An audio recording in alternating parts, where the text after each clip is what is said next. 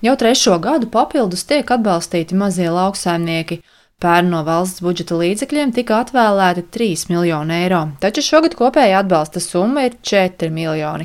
Par atbalsta nepieciešamību vairāk stāsta Zemkopības ministrijas tirgus un tiešā atbalsta departamenta direktors Zigmārs Čikāns. Gadu gaitā bija novērots, ka samazinās mazo lauksaimnieku skaits. Lauksaimnieku skaits kopumā samazinās un samazinās arī mazo lauksaimnieku skaits.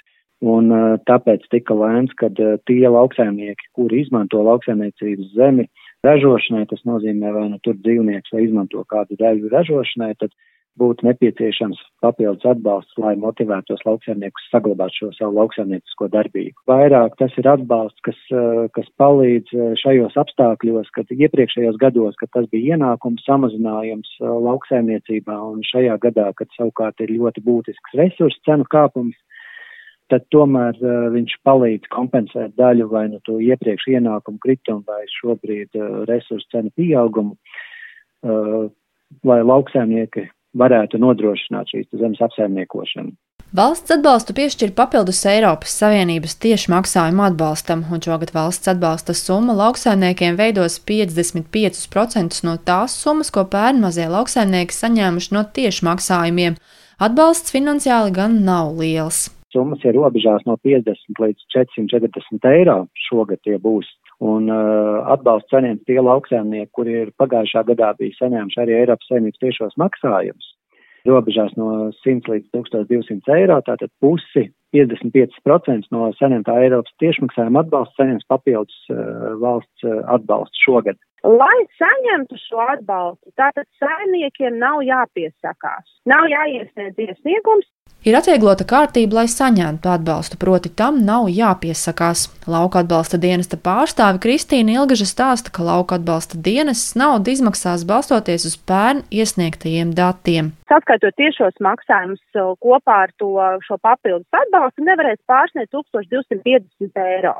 Tad tur tiek skaitīta kopā pagājušā gada tiešo maksājumu atbalsta summa Un šis atbalsts, kas ir piešķirts papildus, bet kas bija līdzīgi, tas bija arī gan iepriekšējos gados, tāpēc tām saimniecībām, kas mazās saimniecības arī šogad turpina saimniekot, tāpēc šis atbalsts tādā pašā kārtībā, tādā pašā apmērā tiek izmaksāts.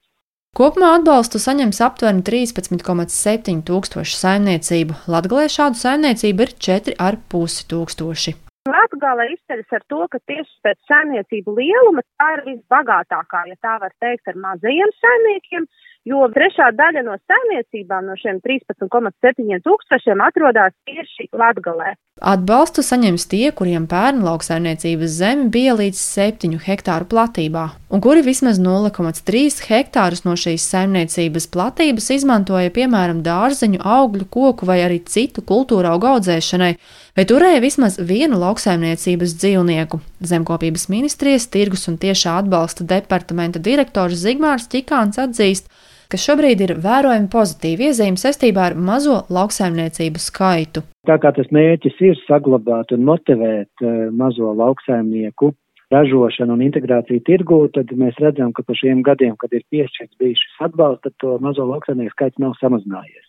Kaut arī kopējais lauksaimnieku skaits valstī mums samazinās no gadu uz gadu, bet mēs redzam, ka tie mazie ražojošie tomēr viņa skaits nav samazinājies. Tas ir tas galvenais sasniegums un tas mērķis, kad saglabāt eh, šos mazo ražojošo lauksēmnieku struktūru. Kā apliecina lauka atbalsta dienestā, piešķirtais valsts atbalsts mazajām saimniecībām tiks izmaksāts līdz 30. jūnijam. Lāsma Zutvīto Latvijas radio studija Latgalē.